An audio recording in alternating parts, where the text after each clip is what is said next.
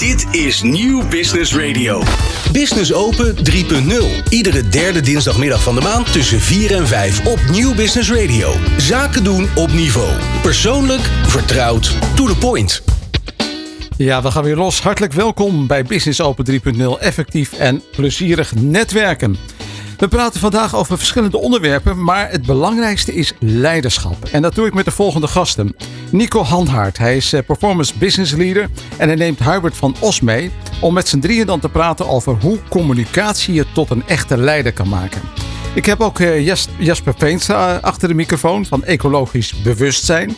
Jasper, wat is jouw invalshoek vandaag? Natuurlijk leiderschap. Dus hoe doet de natuur het? En wij zijn eigenlijk natuur. Hè? Dus de vraag is, hoe gaan we het zelf doen? En, da en daar kunnen we snel van leren. Zeker. Ah, Oké, okay, hartstikke goed. Mark Reinders, uh, netwerken.nl. Ja, waar ga jij het over hebben, Mark, vandaag? Ik ga het vandaag hebben over hoe je leiderschap pakt over je eigen ontwikkeling. Mooi. Oké, dat is al een hele mooie cliffhanger. En dan uh, Rijn Kort als altijd van Business Open Nederland is, is er ook. Je krijgt zo dadelijk inzicht in hoe ecologisch bewustzijn bijdraagt tot leiderschap. Een heel mooi woord, maar denk daar maar eens even over na. Hoe jij leiderschap kunt tonen in je netwerk. Hoe je omgaat met communicatie. Wat doet een echte leider? En uh, ja, we beginnen zo dadelijk met Rijn Kortesalters van Business Open Nederland. Ontbijten, lunchen, gunnen, inspireren. Aangenaam effectief netwerken. Business Open.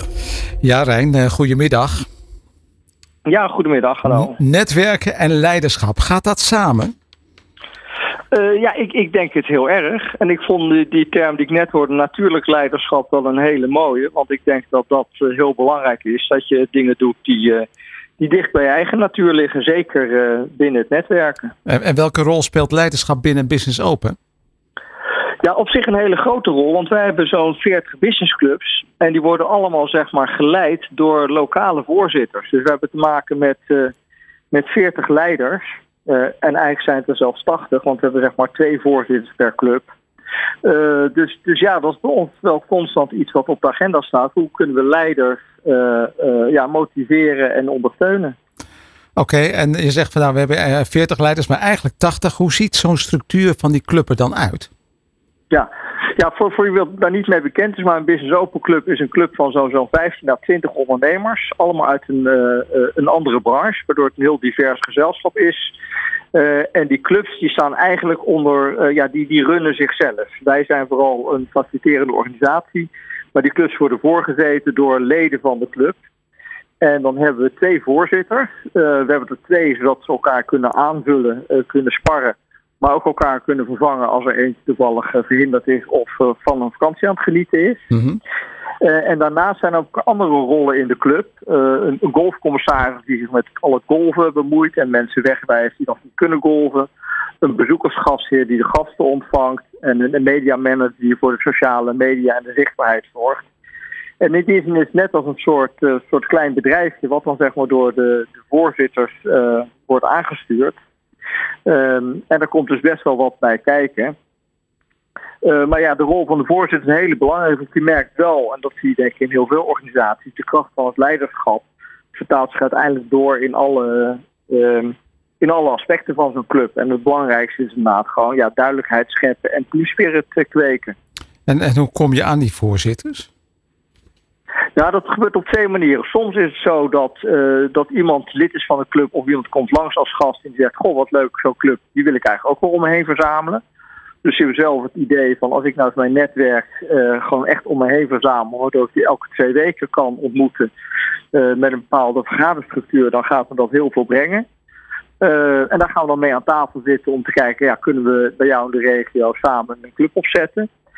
En het andere is natuurlijk, soms heb je voorzitters die stoppen om wat voor reden dan ook. En dan, dan zoeken we weer binnen de bestaande leden een goede opvolging. Je zei van, nou ja, het is eigenlijk een soort klein bedrijfje, zo'n zo, zo'n regio. Die wordt dan bestuurd door zo'n voorzitter. Uh, maar ja, het, het lijkt wel een beetje vrijwilligerswerk. Of zijn er nog voordelen aan verbonden? Nou, ik, ik, ik, het belangrijkste vind ik inderdaad dat de, de, de hoofdinsteek vrijwilligerswerk is. In die zin dat je het doet omdat je het leuk vindt. Uh, we hebben wel een apart voorzitterstarief. Maar ik denk het belangrijkste als voorzitter is gewoon, je bent gewoon veel zichtbaarder. Zowel tijdens de bijeenkomsten als in alle communicatie rondom die club. En dat is gewoon goed voor je eigen netwerk. Je zult daar toch sneller worden aanbevolen en mensen eerder zaken met je doen.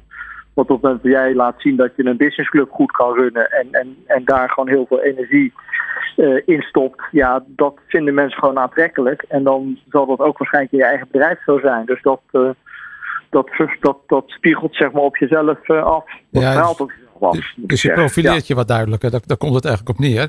Nou had je het net over eh, wat mij een beetje doet denken aan zelfsturend leiderschap. eh, als ik het zo, zo hoor wat je vertelt. Al als je nou kijkt naar ja, de voorzitters die bij Business Open zijn. Wat, wat voor leiderschapsstijl zou je daar nou moeten hanteren? Ja, nou, wij, wij hanteren hem heel erg bottom-up. Eh, eh, inderdaad, het is het faciliteren en motiveren van, van de voorzitters. Want het zijn natuurlijk allemaal ondernemers. En ondernemers hebben als eh, kenmerk dat ze vaak zelf heel goed weten hoe ze dingen willen hebben. Dat noemen ze wel eens eigenwijs. Eigenwijs, precies. en, en ook inderdaad wars zijn van dingen moeten en, en, en naar anderen luisteren. Eh, dus, dus dat is inderdaad wel een, een soort van eh, uitdaging. Hoe krijgen we mensen vooral gemotiveerd dat ze het vanuit intrinsieke motivatie eh, doen? Want als we gaan zeggen je moet dit en je moet dat, dan zijn we heel snel onze goede voorzitters kwijt. Dat is niet het type mensen wat we binnen BIS Open zoeken. Want uiteindelijk zijn wij een club die heel veel waarde hechten aan eigen verantwoordelijkheid. Maar ook wel snappen dat als je resultaat wil boeken, dat dingen niet vrijblijvend zijn. Eh. Nou, dat vind, ik een hele mooie boodschap. Eh, straks aan het eind- einde van de uitzending hebben we nog een tip. Dus ik ben heel benieuwd eh, welke tip jij straks gaat hanteren. Maar die houden we nog even te goed, hè? Rijn? Ja, en ik ben erg benieuwd naar de volgende sprekers. Dat kan ik me voorstellen. Dat is iedereen hier. Fijn. Nou, fijn dat je er even was, Rijn. En eh, ik zie je zo dadelijk graag terug. Ja, tot later. Dit is Business Open 3.0. Het magazine voor leden van Business Open en hen die dit graag willen worden, maar nog niet weten wat ze missen. We leven in tijden van grote systemische en persoonlijke uitdagingen. De grenzen van onze systemen en die van de aarde zijn bijna bereikt. Alles schreeuwt om grondige verandering. Dat is te lezen op de website van Ecologisch Bewustzijn. Bij ons Jesper Veenstra. Jesper, eh, fijn dat je er bent. Ehm, natuurlijk leiderschap, daar eh, begon jij de uitzending mee. En dan ben ik heel benieuwd, wat kunnen wij nou leren van de natuur? Ja, goede vraag. Kijk, eh, even kort voordat we beginnen. Ik kom uit de hoek eh, duurzaamheid, eh, duurzame landbouw, natuurherstellende landbouw. Ja. En ik zag eigenlijk overal dat wij onze ideeën ergens op projecteren. En wij vinden dat iets zo en zo en zo moet gaan. Terwijl in de natuur gebeurt dat wat gebeurt. En dat is altijd een samenvloeiing van heel veel verschillende dingen. En dat vinden wij vaak niet goed. En dan gaan wij heel hard werken om het te veranderen. En dan zijn wij vooral heel hard aan het werk. Dus wat kunnen we leren van de natuur is vooral dat het heel veel makkelijker kan. Kun je daar eens een voorbeeld van geven? Van zo- van zo'n natuurlijke omgeving, hoe dat dan werkt? Nou, denk aan de landbouw. Hè. Wij verbouwen veel dingen op eh, in een monocultuur. Dus één soort in de miljoenen. Een heel veld aardappelen. En dat noemen wij gemakkelijk en efficiënt. Maar wat je daarmee eigenlijk creëert is eenvoud, simpliciteit. Ja. Maar alles in de natuur werkt vanuit diversiteit. Ga je naar versimpeling, dan haal je eigenlijk de veerkracht eruit. Want heel veel soorten kunnen klappen, kunnen buffers opvangen, kunnen droogte aan, kunnen nattere situaties aan. Hoe meer verschillende soorten met verschillende dingen om kunnen gaan, Want, eh, hoe eh, beter het geheel kan overleven. want als je dan het aardappelveld als voorbeeld houdt, Mhm. zou je dan zien dat eh, daar allerlei verschillende planten door elkaar heen dan gaan groeien? Yes. Kijk maar naar gewoon een nat- stuk natuur. Daar groeit alles door elkaar. En daarmee kunnen plagen niet opbouwen. Kunnen ziekten over het algemeen niet goed opbouwen. Omdat je veel meer diversiteit hebt. En wij zeggen, ja, wij willen heel veel aardappels. En vervolgens rijven we de bodem kapot. Moeten we met heel veel kunstmest erin gaan werken. Omdat er geen natuurlijke vruchtbaarheid verhoogt. Want dat is de natuurlijke proces. hè. Alles groeit zodat er meer vruchtbaarheid is. Maar wij plukken er alleen maar uit. En dan planten we ook nog maar één soort. Bijvoorbeeld. Hè? Oké, dit- En met mensen, dat is even de koppeling naar natuurlijk leiderschap. Eh, met mensen doen wij eigenlijk min of meer hetzelfde. Als we een bedrijf zijn, dan zijn we van bedrijfscultuur, nou noem maar wat. Eh, eh, ik, ik wil geen reclame gaan maken, maar laten we even zeggen, je bent bedrijf A en daar werken bepaalde type mensen.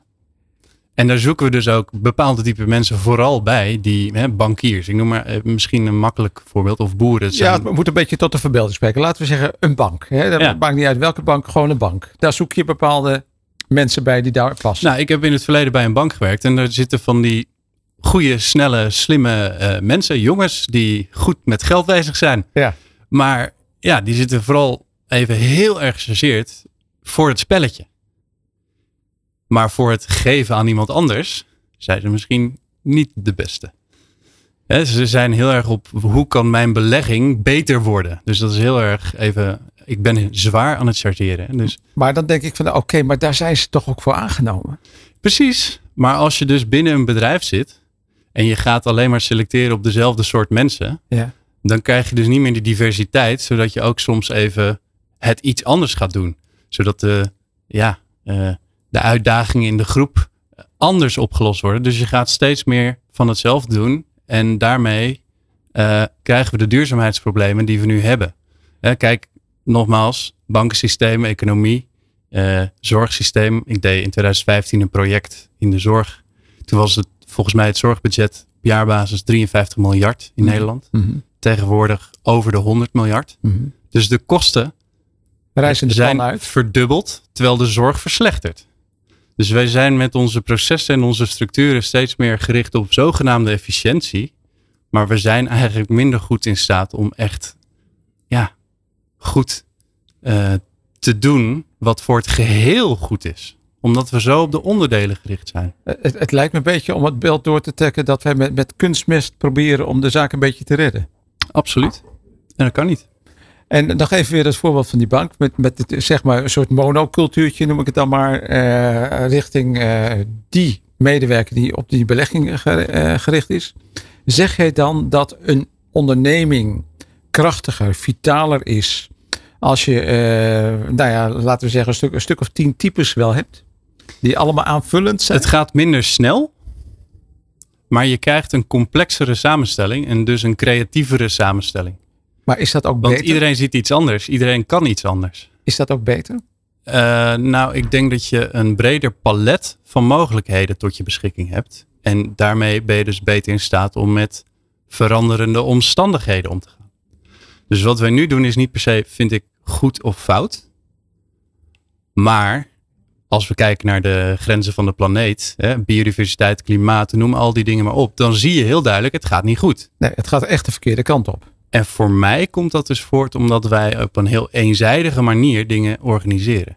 Processen, structuren. Oké, en, en hoe, We willen versimpelen. hoe doe jij dat vanuit jouw onderneming? Hoe draag jij dan bij? Eh, vanuit mijn onderneming neem ik graag mensen mee de natuur in. Om eh, als het ware te laten zien hoe geniaal eigenlijk de natuur het doet. Want het werkt voor zichzelf. Dus als iedere soort in de natuur eh, goed zijn best doet. Dan heeft automatisch alles en iedereen daaromheen een bepaalde buffer. Oké, Dus maar het stel is veel meer een geheel. En als Ja. we mensen daarin meenemen, dan zien ze vaak iets heel anders. Voelen ze iets heel anders dan eh, hoe wij het nu doen. Oké, stel ik ga met jou mee. Waar, ga, waar neem je me dan mee naartoe? Nou, meestal neem ik mensen mee bijvoorbeeld op een stuk waar helemaal niks groeit. Oké, En dan lopen we naar een stuk waar al iets meer groeit. En dan gaan we uiteindelijk naar het bos. En dan zie je dat alles een opeenvolging is van soorten die samenwerken.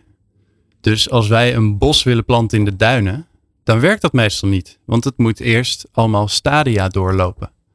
Net als dat wij niet in één keer een supergroot bedrijf met duizenden mensen in één keer goed hebben kunnen laten werken. Mhm. Dat begint meestal klein en je werkt een aantal stadia door en dan he- ben je er. Ja. Dus wij zijn natuur, wij doen dat ergens ook zelf.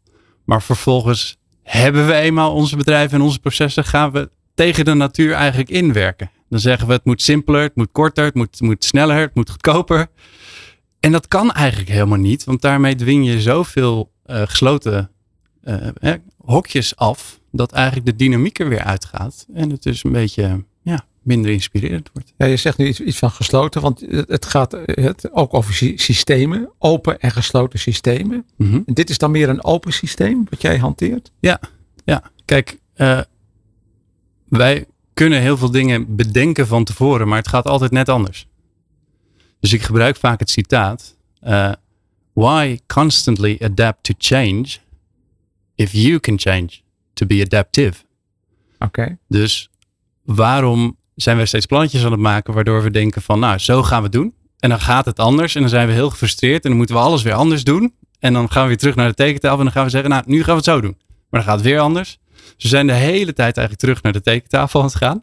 En wat nou als je dat omdraait en zegt: We zien wel, we gaan die kant op, dat is de droom. En we zien wel hoe ver komen, vertrouwend op onze eigen kennis, kunde, vaardigheden, gebruikmakend van diversiteit in de groep, aan inzichten, aan talenten. In plaats van het van tevoren dus allemaal al proberen ja, vast te leggen. En ja, open systemen is dus wat de natuur doet. Er komt altijd een zaadje of een soort ergens aanwaaien waar je niet rekening mee had gehouden. Of een meteoriet voor mijn part die er een einde aan maakt. Maar daar heb je dan weer mee te dealen. En, en dat is natuurlijk leiderschap. Dat is natuurlijk processen. En natuurlijk leiderschap is hoe gaan we daarmee om? Hoe vinden we onze plek daarin? Wat zijn onze waarden waarvanuit wij kunnen werken? Wij vanuit kunnen werken. Jesper Veenstra, ecologisch bewustzijn. Dit is Business Open 3.0. Het magazine voor leden van Business Open en hen die dit graag willen worden, maar nog niet weten wat ze missen. Ja, we hebben het over netwerken en uh, leiderschap. Uh, Mark Reinders van netwerken.nl. Um, ja, hoe zullen we dat eens aanvliegen, Mark? Want uh, als je het over netwerken hebt, dan heb je het over contacten. Klopt. En als je het over contacten hebt en je hoort nu Jesper praten, dan heb je het ook over je aanpassen en misschien wel leren. Ja, ja. Um, ja, je hoort ook wel eens de term een leven lang leren. Ja, dat klopt. Hoe kijk jij daar tegenaan? Nou, ik heb er in ieder geval net heel aandachtig naar geluisterd. Want uh, het, uh, het mooie verhaal van Jesper spreekt me enorm aan. En uh, ja, leven lang leren door te luisteren naar anderen.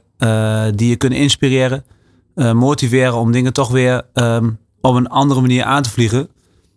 Zoals Jesper mooi aangaf, zonder je eigen droom te verliezen. Dus hoe kun je zorgen dat je continu blijft luisteren naar, naar, nou, naar anderen. En, en de ene keer doe je er wel wat mee en de andere keer doe je er niet wat mee. En dat is ook waar netwerken over gaat.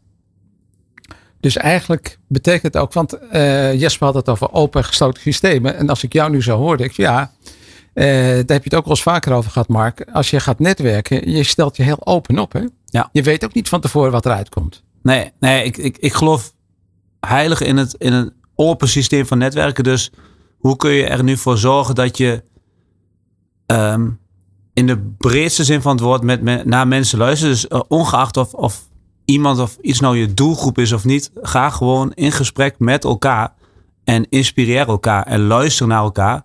Uh, en zorg dat je oprecht geïnteresseerd bent. Op het moment dat je dat ten alle tijde doet, dan blijf je continu uh, geprikkeld en kun je, ja, ben je eigenlijk in staat om continu uh, ja, te verbeteren. Omdat je eigenlijk elke keer weer uh, um, ja, vernieuwende ideeën krijgt. Omdat je ervoor open staat. En dan komt het woord open ook weer terug. Omdat je ervoor open staat ja. om, uh, ja, om naar anderen te luisteren. En niet bij voorbaat al nadenkt over wie voor jou interessant is. Want je weet het van tevoren gewoon niet. Het, het grappige is dat open en gesloten blijft me even, even bij. Want wat je als uh, ja, soort archetype van netwerk hebt, is je gaat je visitekaartje aan iemand anders geven. Ja. En dat is het. En je gaat ja. je aanbieden. Ja. Dus zo gesloten als maar kan zijn. Hè?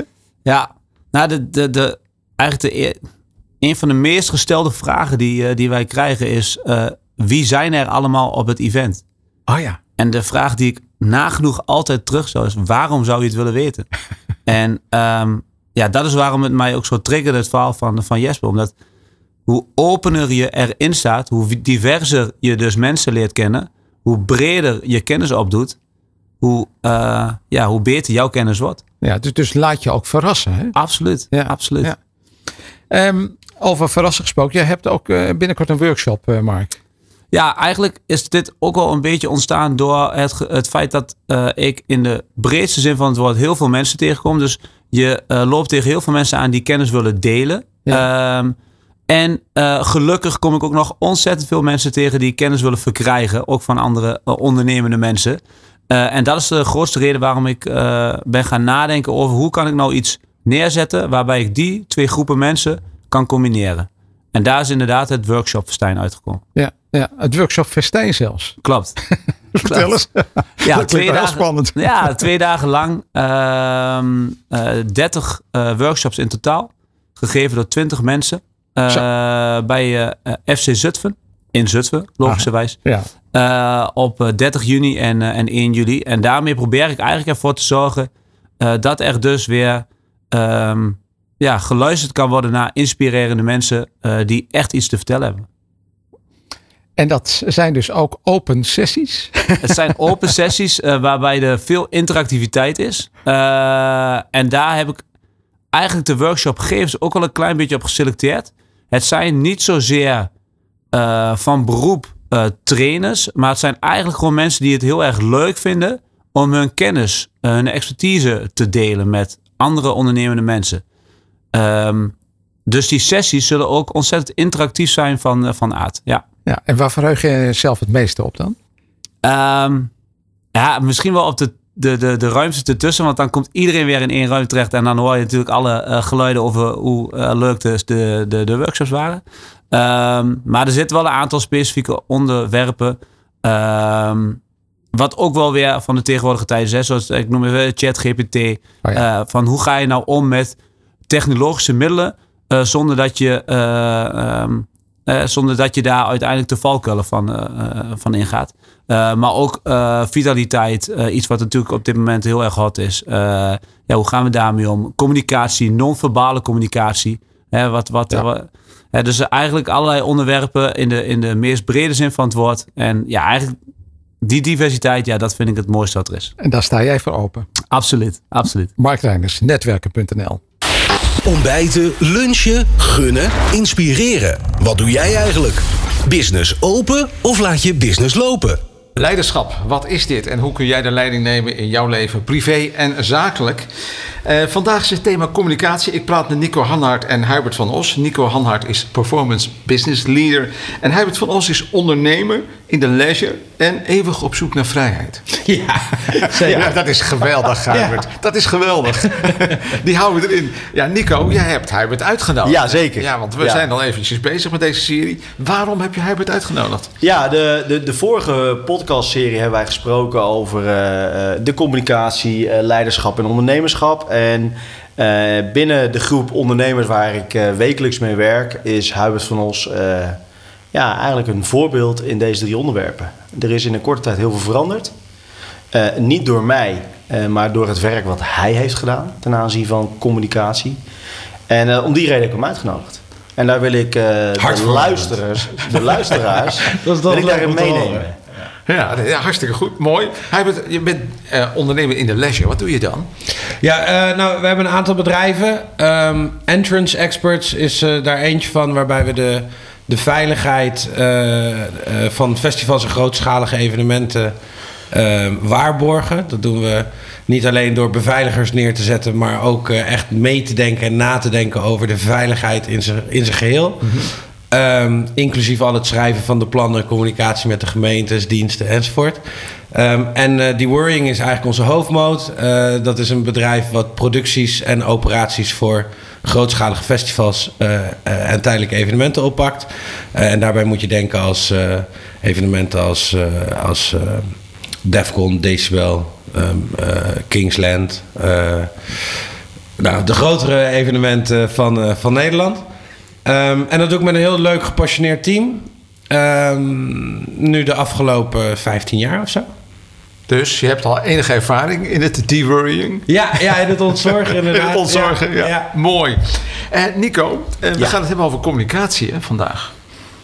En uh, we hebben in onze allereerste aflevering het ook over communicatie gehad. Misschien kunnen we nog even terughalen wat toen de kern was. Ja, we hebben, we hebben de vorige keer gesproken over alles wat gecreëerd vanuit taal. Mm -hmm de woorden die je kiest, de toon waarin je spreekt. Uh, we hebben vorige keer gesproken over. Uh, ik, ik ben iemand die komt vanuit een stukje uh, ongeloofwaardig. Dus ik wil eigenlijk, dat triggert mij, want dan ben ik oprecht nieuwsgierig naar een ondernemer. Mm -hmm. Als ik maar kom vanuit ik geloof je, ja, dan ga ik niet verder vragen dan strikt noodzakelijk, want ik geloof je toch wel. Dan is iedereen Sinterklaas. Dan is iedereen, ja, en dan, dan kan ik niet tot de kern komen bij een ondernemer. Dus -huh. dat, dat is wat we besproken hebben. Mm -hmm. um, um, taal, uh, wantrouwen um, en intentioneel luisteren. Intentioneel uh, luisteren, ja. dat is een mooie, mooie zin. Ja, dat klinkt top. Ja. Uh, hoe ziet dat eruit? Um, de woorden die iemand spreekt niet zomaar aannemen. een bepaald woord is vastpakken en zeggen: joh, wat bedoel je daar nou mee? Um, waarom? Omdat ik altijd op zoek ben naar de verdieping. Dus goed luisteren in plaats van iets aanhoren zijn twee volstrekt verschillende werelden voor mij. Je kent het wel, iemand vraagt iets aan je, je knikt ja. En vijf minuten later denk je, wat was het ook weer? Waar heeft hij het over? En dat zie je nog wel eens misschien in privé situaties. Je partner zegt iets en je denkt, wel, wat moet ik ook weer doen? Of, wat bedoel je schat, Eh, kan je het nog even herhalen? En dan check je bij iemand in. Ehm, dus dat zijn even de highlights van de vorige keer. Ja. En dan vandaag, communicatie, herken je dat een beetje, Huip? Wat, wat Nico zegt. Ja, op zich wel. Ik, eh, ik kijk er meestal wel een beetje vanaf de andere kant naar. In de zin van. Ik, ik denk eh, wat Nico wel zegt, eh, of wat Nico net zegt, daar ben ik het wel heel erg mee eens. Dat eh, mensen zijn, zijn communicatief net zo kundig als de woorden die ze geleerd hebben. En eh, in een bepaalde volgorde weten te zetten. Daarmee krijg je dus heel veel miscommunicatie. Eh, omdat woordschatten en woordkeuzes eh, bij mensen nou eenmaal heel anders zijn. Eh, en daarom denk ik dat communicatie veel meer gaat over alles wat iemand niet zegt. Dan over wat iemand. Dat, hè, dus even als voorbeeld: we, we staan op een groot festival, er komt een grote storm aan. En iemand is ontzettend gespannen. Ja, die kan bepaalde dingen zeggen, maar aan zijn hele lijf, op alle, in, in zijn gezicht, in zijn lijf en alles zie je dat hij eigenlijk iets heel anders bedoelt. Ehm, en dus daarop ingaan. Ehm, en nu deed ik het even in een situatie die heel heftig is. Maar dit kan net zo goed op kantoor zijn met een medewerker die, eh, nou, die er even niet zo goed uitkomt.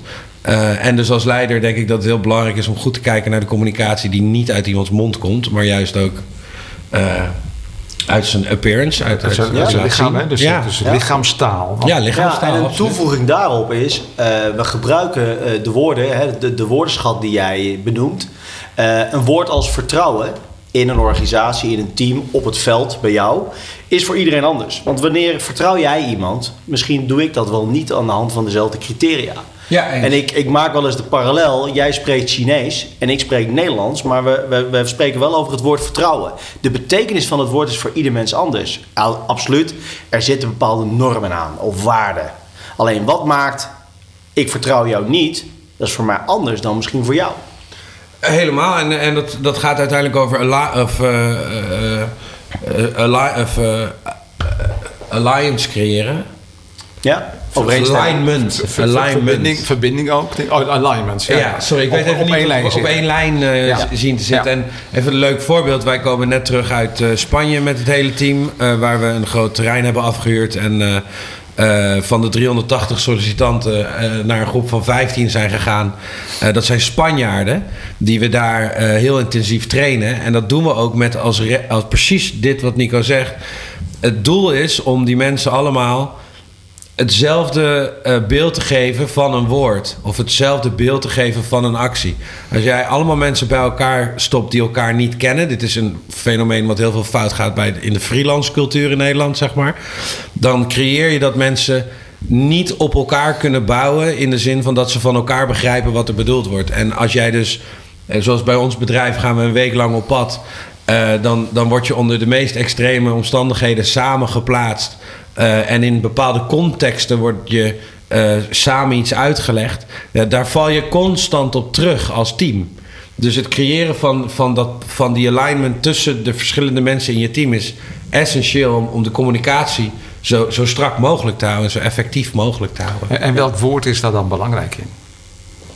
Is dat dan vertrouwen? Is dat geloof? Is dat eh, definitie? Maar voor mij is dat oefenen. Ik weet niet. Ja.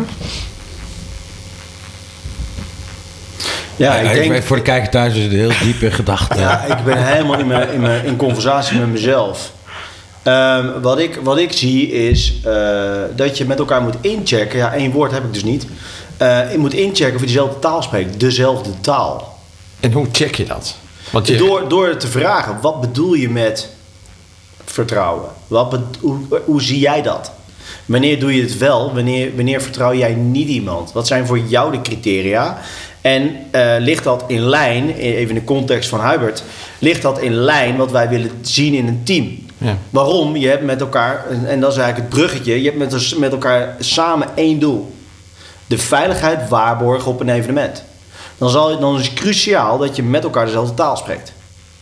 Eh, eh, pro- ge- geprotocoleerd bijvoorbeeld, of gestandardiseerd, of eh, we, we- dit is de actie als dit gebeurt. En dat, ik kom uit de acute zorg, daar is dit, daar is dit heilig dezelfde taal. Je een dat- protocol. nogal. En dat zie je in de veiligheidsorganisaties natuurlijk ook. Dat is op leven en dood. Juist. bedoel, ja. Ja, en dan wel de context is dus wel even belangrijk. Ehm, hier, hier hadden we het voor ons gesprek ook even over. Maar dus ehm, ja, iedereen spreekt dezelfde taal. Ja, iedereen moet hetzelfde doel hebben.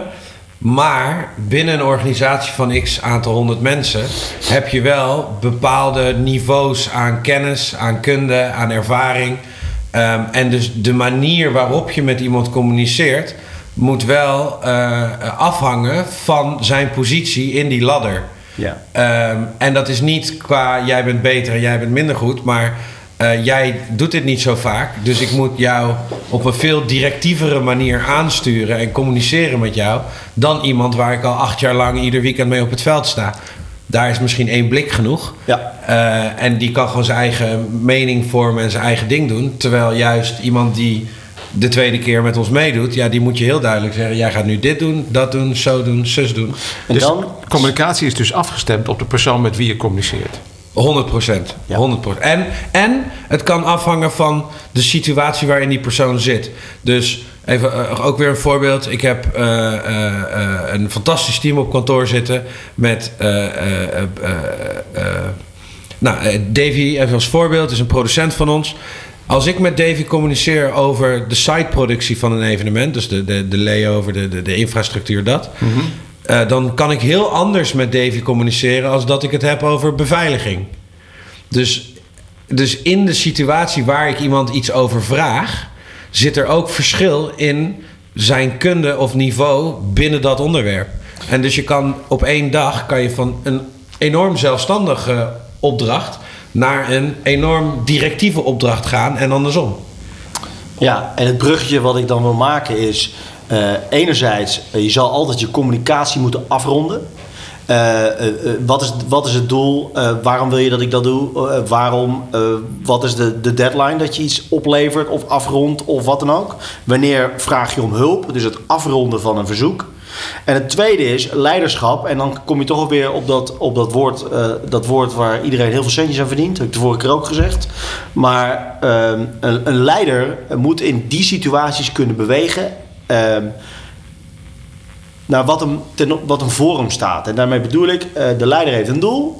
Dan kan het niet zo zijn dat je als, tegen diegene praat alsof het de CEO van Shell is, bijvoorbeeld.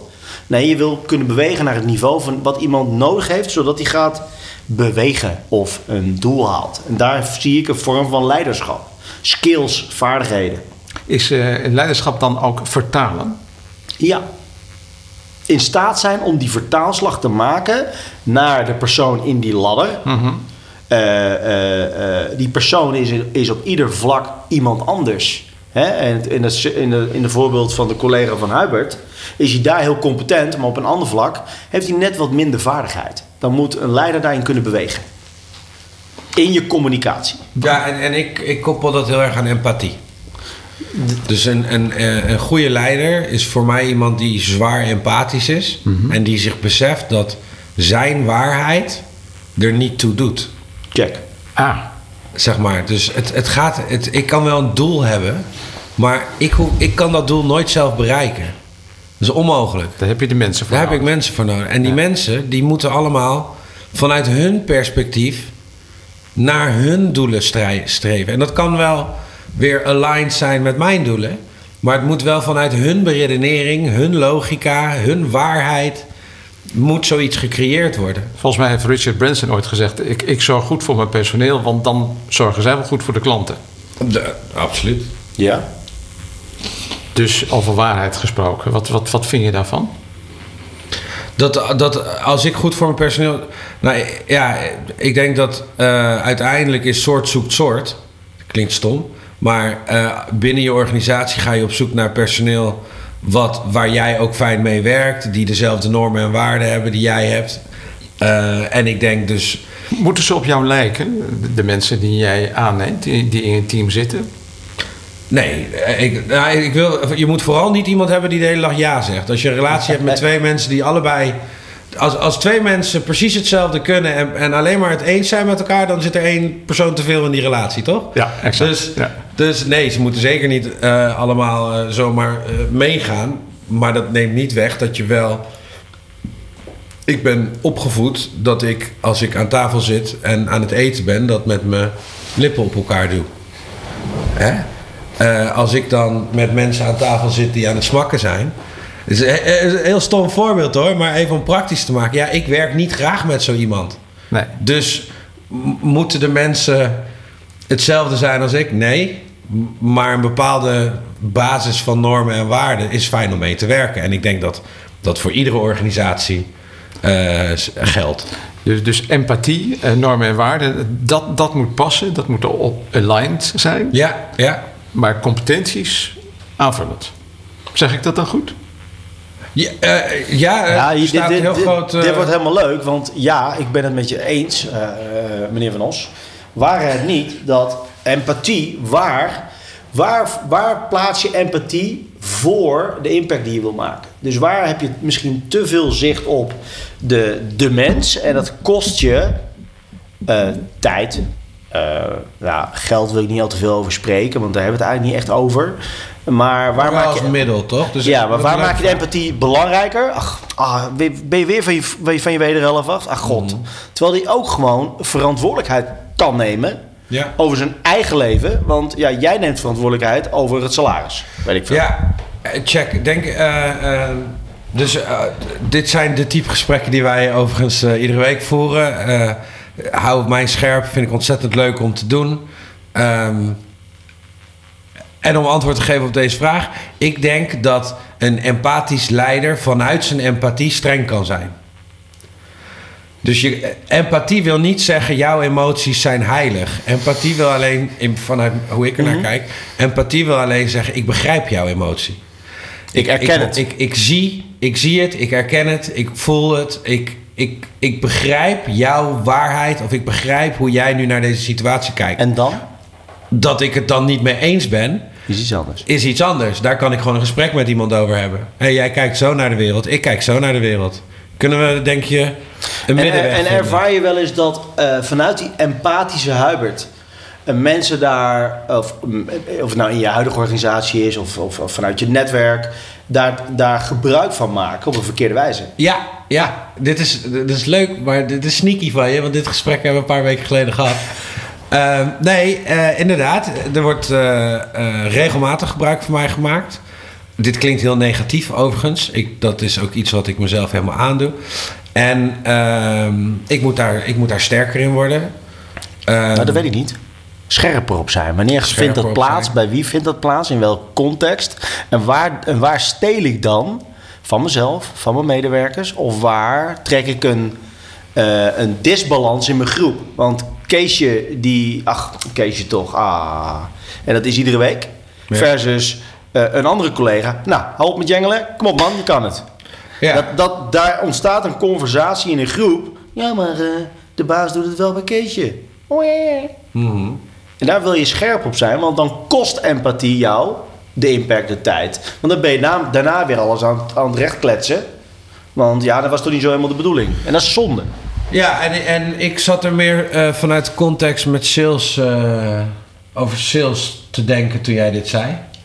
Eh, want ook door een bepaalde empathie ga je ook nadenken over de problemen van de klant, de, de uitdagingen van de klant. En dan ben je soms bereid meer te buigen dan dat de boekhouder dat slim vindt. Ehm, eh, en ik denk dus ook dat ik ben in die zin niet de beste salesman die er is. Eh, ehm, ik ben wel een opener, maar ik ben geen closer, zeg maar. Dat is een mooie. Dat is een mooie. ja. Dus, Hij opent de deur, iemand anders doet hem dicht. en eh, ik kom met al mijn bak aan enthousiasme binnen. Ja. Maar dan moet wel iemand achter me aanlopen die dan eh, me helpt de deur weer dicht te krijgen. Ah, dat is. Ja, vind ik mooi. Geweldig. Ik zie het ook voor me. Weet je nog dat wij in Delft rondliepen samen eh, bij de gemeente? En dat was ook een beetje zo. Bom, buiten Ja. binnen. ja.